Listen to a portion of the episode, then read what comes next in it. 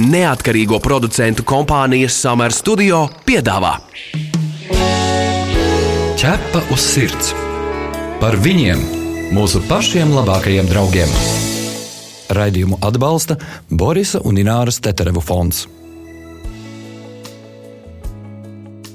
Labdien, labvakar! Latvijas rādio klausītāji ir klāta pirmdiena, un kā jau ierasts šajā vakarā ar jums kopā ir raidījums ķepa uz sirds. Mani sauc Inese Kreitsberga, bet mans kolēģis Magnus Seriņš pievienosies mums atkal pēc nedēļas. Bet šodien pie mums studijā ir trīs viesi aspalvainais taksis Karlos un punduru taksis Sančo un viņu saimniece Kristīne, kura kopā ar ģimeni atgriezās uz dzīvi Latvijā šogad no Vācijas, kur pavadījusi nu, teju visu savu mūžu, veselus 35 gadus. Esiet pazīstami Kristīne Dafnere. Labdien! Labdien! Ķepa uz sirds jautā ekspertam. Kristīne, jūs šodien neesat pie mums viena. Varbūt iepazīstināt ar saviem kompanioniem. Ļoti labprāt. Mēs pārsvarā visi kopā nākam, visi trijotā. Un tas ir mans uh, aspalvainais taksīts Karls un garspalvainais taksīts Sančo. Jo tagad viņi tā mīlīgi un klusi iekārtojušies uz sēdziņas, um, kuru rotā arī pašu portrets tāds uzdrukāts, izprintēts. Nu, ļoti tāda idilliska ainava. Žēl, ka klausītāji jūs to neredzat. Bet, nu, labi audzinātus suņus jau raksturo tas, ka viņi ir nu, klusi, nereji, nekvankšķi, kas tādam nesagatavotam cilvēkam var būt pārsteigums. Kā tad ir? Viņi ir reji, nereji vai tikai reji tad, kad jūs sakat? Viņi faktiski nereji. Jā, tas nav vajadzīgs. Viņi reizē ļoti reti, ja tiešām viņi jūt, ka kaut kas ir apdraudēts, vai arī viņiem no kaut kā ir bail, bet tas ir ļoti, ļoti reti. Un pārsvarā viņi reizē, tad, kad es viņi, no viņiem to gribu un saku komandu reizē, tad viņi arī reizē. Jūs gribat teikt, ka, piemēram, tagad jūs varētu viņiem lūgt rietu, un viņi rietu? Jā, Varam pamēģināt. man tikai gardumiņš jāpaņem rokā. Labi. Tiek paņemts gardumiņš, lai tu tā visi dzird, ka mums studijā ir arī suņi. Ok, Karls, stimme, stimme. Lauter, stimme, lauter, nochmal. Stimme. Ja, komm, super. Tas bija Karlos. Un ko Sančo saka? Sančo paskatījās un nolēma, ka, lai Karlos šodien viņa vietā arī norējās. Nu, redzi, vienkārši ir daži suņi, kuri vienkārši ir skaisti un ar tādu izteiksmīgu acu skatienu, kas paņem un dabū savu. Ja? Tieši tā. Mums raidījumā ķepa uz sirds, nu, visi dzīvnieku draugi stāsta, ka dzīvnieki un citas radības ir bijušas mīļas jau bērnībā. Kā bija jums? Jā, es esmu ar sunīšiem uzaugusi. Kad es um, piedzimu, tad maniem vecākiem bija karaliskais pūdelis. To es gan vairs neatceros, eh, bet tikai pēc fotografijām. Vēlāk mums bija vācu um, doks. Un tad, kad es jau biju pusauģa vecumā, man bija divi um, melnie terjeri, ar kuriem es ļoti nodarbojos un biju suņu klubā un noliku kinoloģijas diplomu. Un, uh, ar tiem melnajiem terjeriem es uh, dažādu šovus taisīju un uh, ļoti ar viņiem nodarbojos. Bet tas jau bija Vācijā, kad jūs jau bijāt aizbraukusi. Nē, tas bija Latvijā. Latvijā. Tas bija, kad man bija kādi 15, 16 gadi. Vai tad varēja tajā vecumā kinoloģijas kursus pabeigt? Jā, jā, tas bija pirmais ātrākais vecums, kad to drīkstēja darīt. Tad es trenēju arī citu cilvēku sunīšus. Nu, tad bija tāds ilgstošs periods jūsu dzīvē, cik es saprotu, kad jums nebija suņi, jo jūs, mēs, kā saka, esam aroda māsas, arī jūs esat žurnālisti ilgus gadus, es saprotu, arī darbojusies televīzijā, un jūsu darbs ilgus gadus bija saistīts ar filmēšanu, fotografēšanu, televīzijas projektiem, un tajā skaitā arī kanālam National Geographic. Un no malas jau, nu, teiksim tā, tas jau šķiet tāds sapņu darbs, filmēt ziloņus un lauvas, saulrieti un saulēkti Āfrikas savannā, bet kāda tad bija tā patiesība? Nu, patiesība bieži bija tāda, ka bija jā, jālien uz visām četriem padubļiem un paputekļiem. Un arī bija dažreiz bīstamas situācijas, kur bija jāskatās aci pret aci ar ziloni vai lauvām. Dažreiz, piemēram, bija diezgan pagrūti projekti, kur man bija jāfilmē leoparda dzemdības. Un tas nozīmē, ka vispirms bija ļoti daudz jāno jāsagatavojas priekš to, jāatrod, kur tad ir kāda leopardu nākamā mamma, kuru vajadzēja ilgi novērot, kad viņa nāk ārā no sava patvēruma, paslēpnes, lai varētu viņu nofilmēt. Kas nebija vienkārši. Dažreiz bija kāds desmit stundas, man jāsēž ļoti šaurā teltī, lai viņi neviens man neredzētu ar kamerām un jāgaida, kad beidzot es to varēšu nofilmēt. Jo patiesībā dzīvniekus filmēt, fotografēt ir ļoti, ļoti sarežģīts process. Un maldīgi jau domā tie, ka jūs tur nu, ļoti tuvu tos dzīvniekus redzējāt. Tur jau diezgan liela distance, pareizi. Objektīvs jau liels vajadzīgs. Ja bija arī kāds dzīvnieks vai putns, kuru jums izdevās ļoti, ļoti tuvu redzēt, par ko jūs joprojām atceraties. Jā, ko es nekad neaizmirsīšu, bija vienreiz mēs filmējām eh, ziloņus pie tādas ūdens peļķes ļoti lielas, un eh, mūs ar mašīnu turienā izveda. Un, eh, izsēdināja ārā, un tad mēs tur sēdējām un gaidījām, ka pēcpusdienā tur vienmēr nāca ziloņi, daudz ziloņi, un saule pamazam jau tāda sāka rietēt, zelta gaisma bija, un, un es ļoti priecājos par to, kamēr mēs pēkšņi pamanījām, ka tie ziloņi nāk ne tikai no priekšpuses, bet kaut kur arī aiz muguras, mums aiz krūmiem. Mums nebija ne mašīnas, mums nekā nebija. Mums bija tikai viens vietējais e, game ranger ar, ar šauteni, kur es nezinu, vai viņi strādāja kaut kāds vecs kalašņikovs vai ko es to nepārzinu. Un tas nebija tāds drošs moments. Un mums teica, ka mums ir jākāpjas atpakaļ, un, ja gadienā kas, tad mums uz termītu kalna jākāp augšā, un tad redzēsim, kas būs. Un tiešām nāca, nāca pretīm ziloņu māšu grupa ar maziem ziloņu bērniem, un viņas ir kā jau zināms, ir sevišķi agresīvs, ko var saprast. Viņas grib aizstāvēt savus mazuļus. Jūs pakaļ zinās ziloņu bars, īsāk sakot. I, viņi vēl mūs nepamanīja. Mēs laicīgi uzkāpām augstākā termītu kalnā kurš, diemžēl, bija ļoti vecs un smiltis drupēja lejā. Mēs saspiedāmies visi, e, tā mēs četratā bijām, saspiedāmies visi ļoti kopā. Un tā viena ziloņa māte tieši apstājās pie mums, un um, pēc būtības es viņai skatījos uh, acī. Un tas bija tāds tomēr jocīgs uh, moments, jo tur nebija kā zoodārzā kaut kāda iespēja, kaut kāds žoks vai stikls. Un es baidījos, kad viņi mūs pamanīs, jo Viņiem acis gan ir sliktas, bet viņi ļoti jūtīgi ir. Un tur bija tāda nokautus liāna, pie kuras es turējos, lai es nenokrītu, kur pamazām sāka kustēties, un es sāku slīdēt lejā.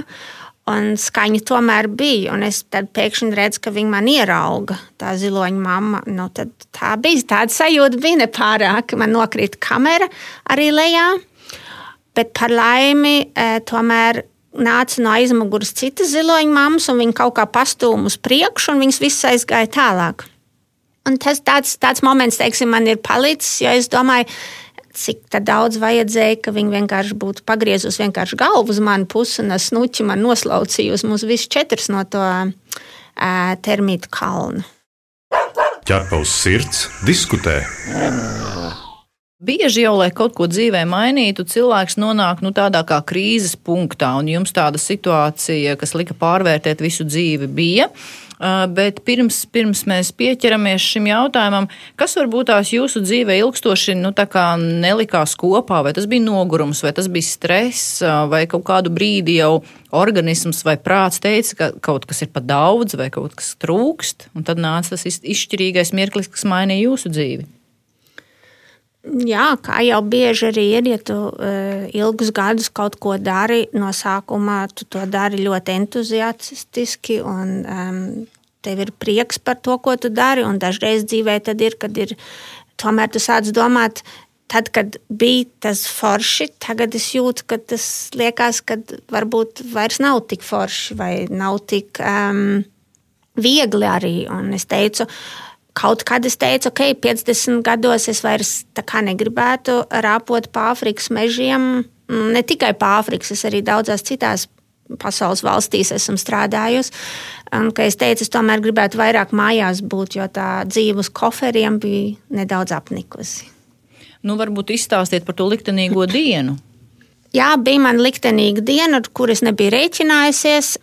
Mēs bijām Zimbabvē Viktorija Falls um, reģionā. Mums bija jālido ar lidmašīnu uz Kvaengen Nacionālu parku priekš um, filmēšanas projektu. Un no rīta mēs iekāpām tajā lidmašīnā, kur tāda bija maziņa un jokaini jau bija. Nezinu, kāpēc man bija tāda sajūta, ka kaut kas nav ritīgi. Mēs pacēlāmies, viss bija ok. Un tad, kad mēs um, pēc kaut kāda pusotra stunda mums bija jā, jālaižās lejā, uh, manīja, ka tas pilots, tāds jauns, izskatījās nepieredzējis, ritīgi nezināja, kur vispār nolaisties vajag. Un sākās nedaudz panika lidmašīnā, un tad viņš atrada, kur laisties lejā, un viņš diezgan strauji to darīja, kas diemžēl neveiksmīgi sanāca, un mēs ieurbāmies ar to lidmašīnas um, priekšu zemē.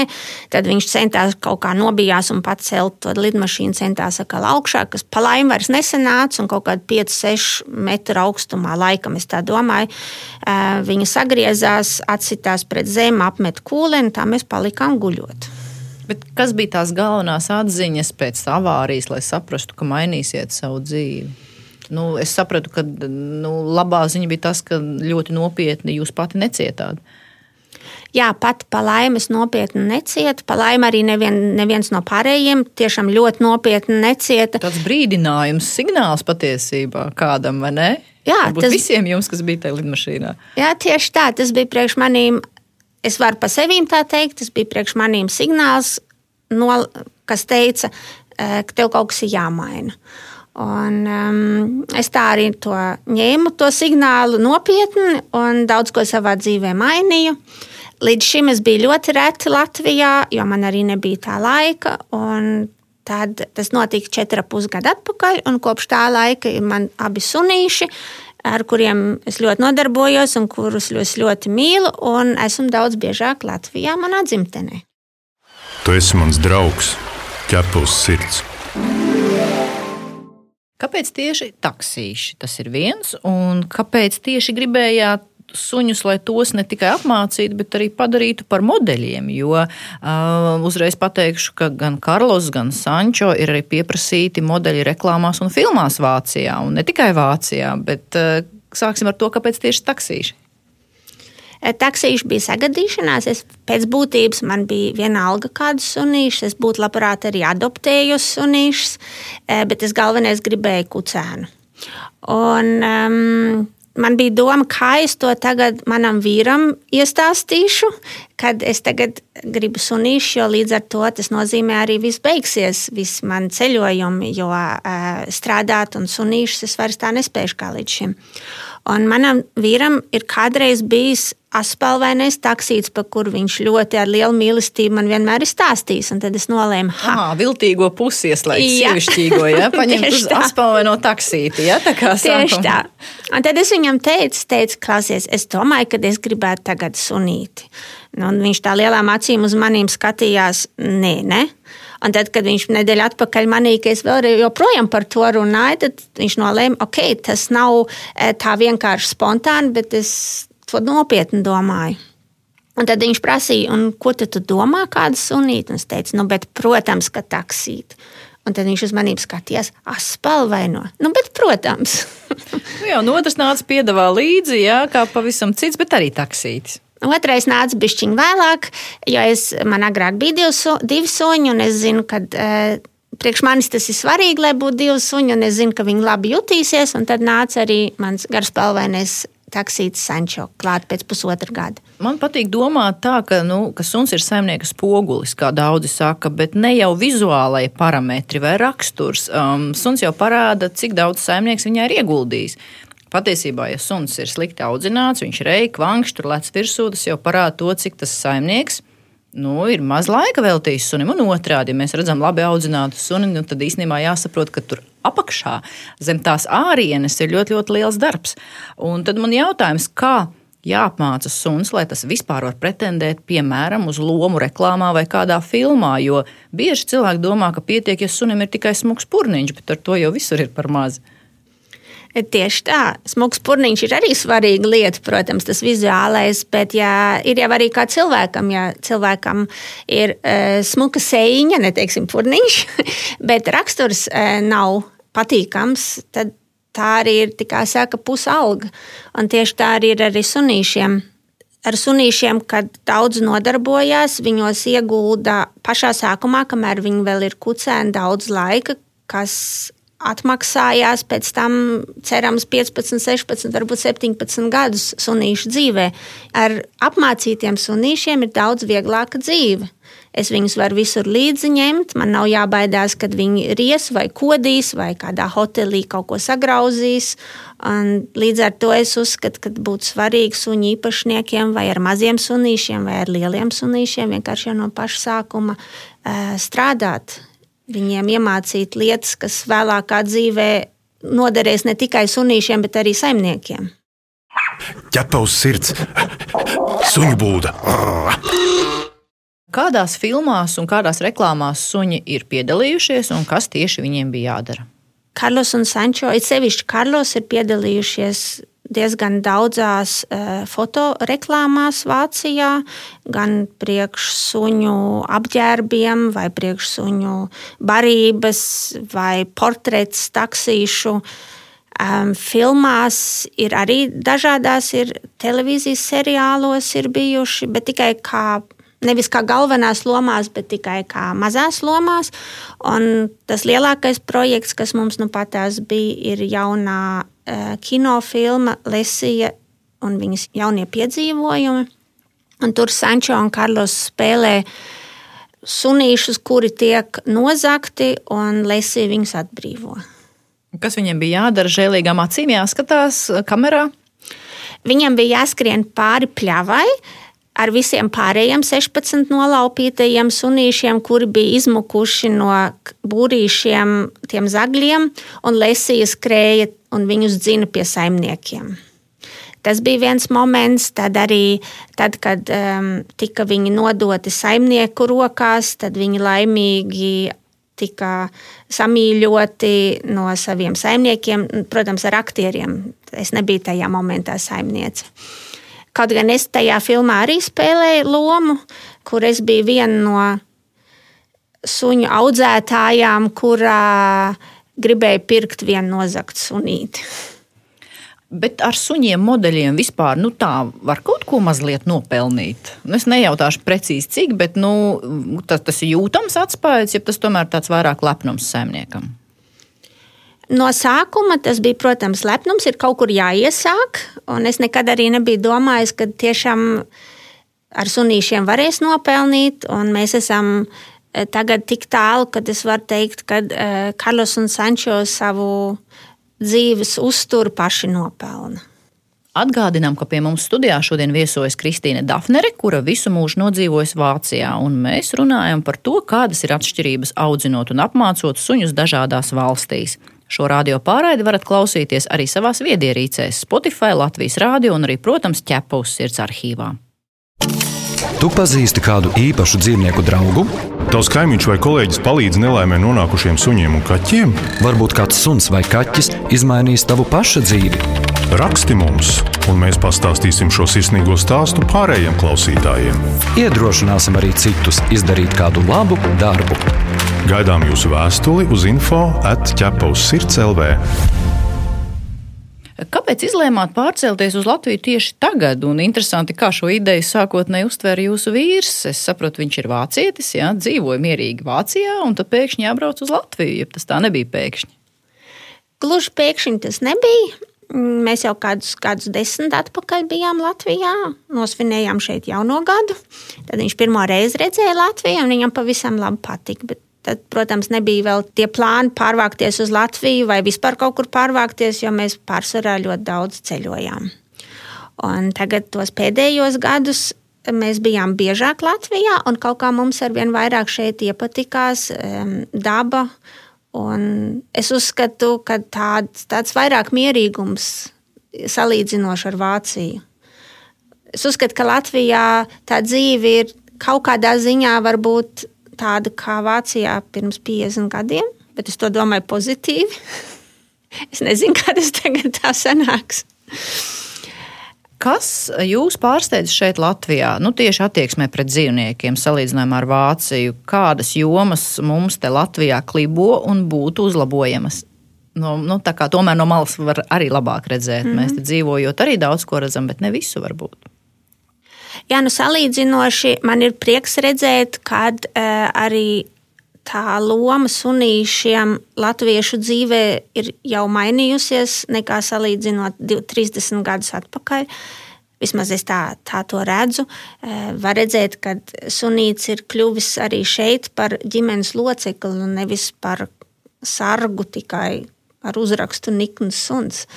Eh, tas mani priecē. Diemžēl bieži, ko es redzu, kad sunīši vēl joprojām nav apmācīti, kas Vācijā, teiksim, ir ļoti reti redzams. Šeit es redzu to vairāk. Pagaidi, paga, bet vai nav tas tāpēc, ka Vācijā suņu skola ir obligāta? Nē, nav obligāti. Nav izrādās. Vienalga cilvēki apmāca, neskatoties uz to, ka Jā. tas nav obligāti. Jo pēc būtības Vācijā gandrīz visur tu vari savu sunu līdzi ņemt. Un vācieši ir to pieraduši un ņem sunīšus visur līdzi. Līdz ar to viņiem, es domāju, arī ir mērķis viņus apmācīt, jo viņi drīkst viņus līdzi ņemt. Minčenē es eju te, piemēram, pat ar, ar Karlos un Sančo zoodārzā. Kaut kad gadu atpakaļ es gribēju aizbraukt uz meža parku un gribēju iet ar sunīšiem uz zoodārzu. Pie kases jau bija liela, ļoti lielas acis kasierei, un viņi saka, nu, kā te jūs tagad ar suņiem, vai tad gribat uz zoodārzu? Es saku, nu, jā. Viņi saka, nu, nē, nu, tā jau gan nedrīkst. Un tad es prasīju, kāpēc. Un tad viņi man pēc būtības pat nevarēja rītīgi apskaidrot, kāpēc. Nu, redz, pie mums ļoti daudz, kur publiskajās vietās suņus nevar laist, tāpēc, ka viņi nav apmācīti. Tas tāds aburtais lokus. Ja? Tā kā nu, cilvēki ir neizpratnē, bet ir kā pamatots iemesls. Ja, ja vairāk apmācītu suņus, rādīt labo piemēru, kā jūs tagad, tad būtu varbūt savādāk ķepa uz sirds noskaidro. Bet Karlosam un Sančo labāk patīk šeit vai Vācijā? Kā jums liekas? Varbūt šeit vairāk pievērš uzmanību viņiem, jeb ne? E, nē, es domāju, ka pievērst uzmanību, pievērš viņiem arī Vācijā uzmanību. Es jūtu, ka Karlos un Sančo šeit Latvijā labāk patīk nekā um, Vācijā, jo šeit vienkārši ir mazāk cilvēku, vairāk dabas, kur viņiem var izskrieties, viņi var, un izpeldēties un vienkārši baudīt savu dzīvi.